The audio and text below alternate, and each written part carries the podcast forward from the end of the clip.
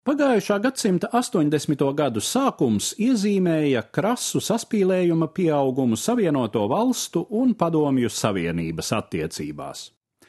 1979. gadā Padomju armija iebruka Afganistānā. 1981.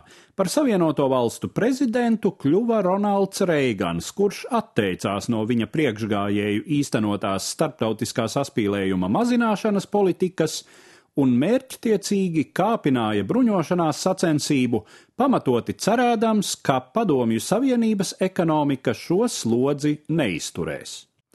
1982. gada novembrī savas šīs zemes gaitas noslēdza ilggadējais ģenerālsekretārs Leonīds Brežņevs, un viņa vietā stājās bijušais valsts drošības komitejas vadītājs Jurijs Andropovs.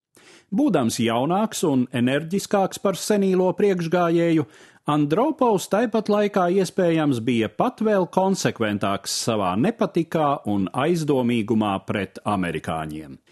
Kritiskai robežai spriedze pietuvojās 1983. gada septembrī, kura pirmajā dienā padomju iznīcinātājs notrieca PSRS gaisa telpā ielidojušo Dienvidkorejas pasažieru lidmašīnu, nogalinot 269 cilvēkus. Nepilnu mēnesi vēlāk notika incidents, kas varēja beigties ar kodolkaru. Naktī uz 1983.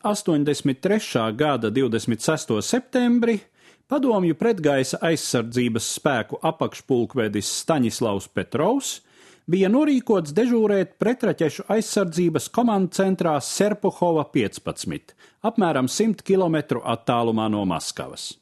Centrs ar zemes mākslīgajiem pavadoņiem novēroja Amerikas teritoriju, lai brīdinātu gadījumā, ja no tur esošajām bāzēm tiktu palaistas balistiskās kodolraķetes. Un tonakt sistēma izziņoja trauksmi. Iegaudojās sirēna, brīdinājuma ekrānos sāka mirgot uzraksts Pusk, starts. Dators ziņoja, ka no vienas no amerikāņu bāzēm palaista raķete. Pēc brīža sekoja paziņojums par otras, trešās, ceturtās raķetes startu. Sistēmas pārbaude kļūdas neatklāja. Atlika vien secināt - sākas.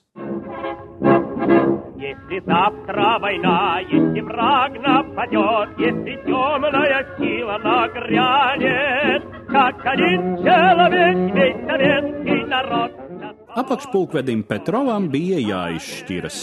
Vai nu nosūtīt tālāk sistēmas sniegto informāciju, vai arī ziņot par to kā par kļūdu. Pirmajā gadījumā informācija praktiski nekavējoties nonāktu pie ģenerālsekretāra Andropova, kuram no miega uzrautam dažās minūtēs būtu jāizvērtē vai dot atbildes triecienu. Kāds varētu būt viņa lēmums? Ir pētnieki, kuri uzskata, ka padomi zemes vadonis varēja arī nospiest sarkano pogu.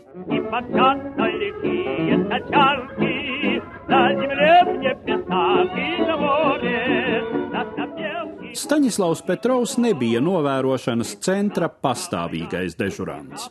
Viņa pamatdarbs bija datu analīze.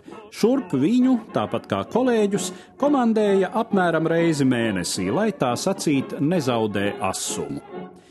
Domājams, tieši analītiķa prāts ļāva apakšpulkvedim pāris trīs minūtēs, kuras bija viņa rīcībā, izdomāt, ka dažu raķešu palaišana no vienas atsevišķas bāzes nekādi neatbilst kodola uzbrukuma standartiem, ka dators tā ir tikai mašīna, kurā iespējamas tehniskas kļūmes, un ka tas, kurš viņa ziņojumus saņems, var nepagūt vai negribēt to visu apsvērt. Tā nu Staņislavs Petrovs paziņoja, ka sistēma izziņojusi viltus trauksmi. Kā atklājās vēlāk, noteiktos apstākļos pavadoņa devēji šādi varēja reaģēt uz mākoņu atstarotu saules gaismu. Apakšpulkveža spēja kritiski novērtēt gan datorsistēmas, gan padomju administrācijas sistēmas funkcionalitāti. Tonakt iespējams glāba pasauli no kodola katastrofas. stāstīja Eduards Liniņš.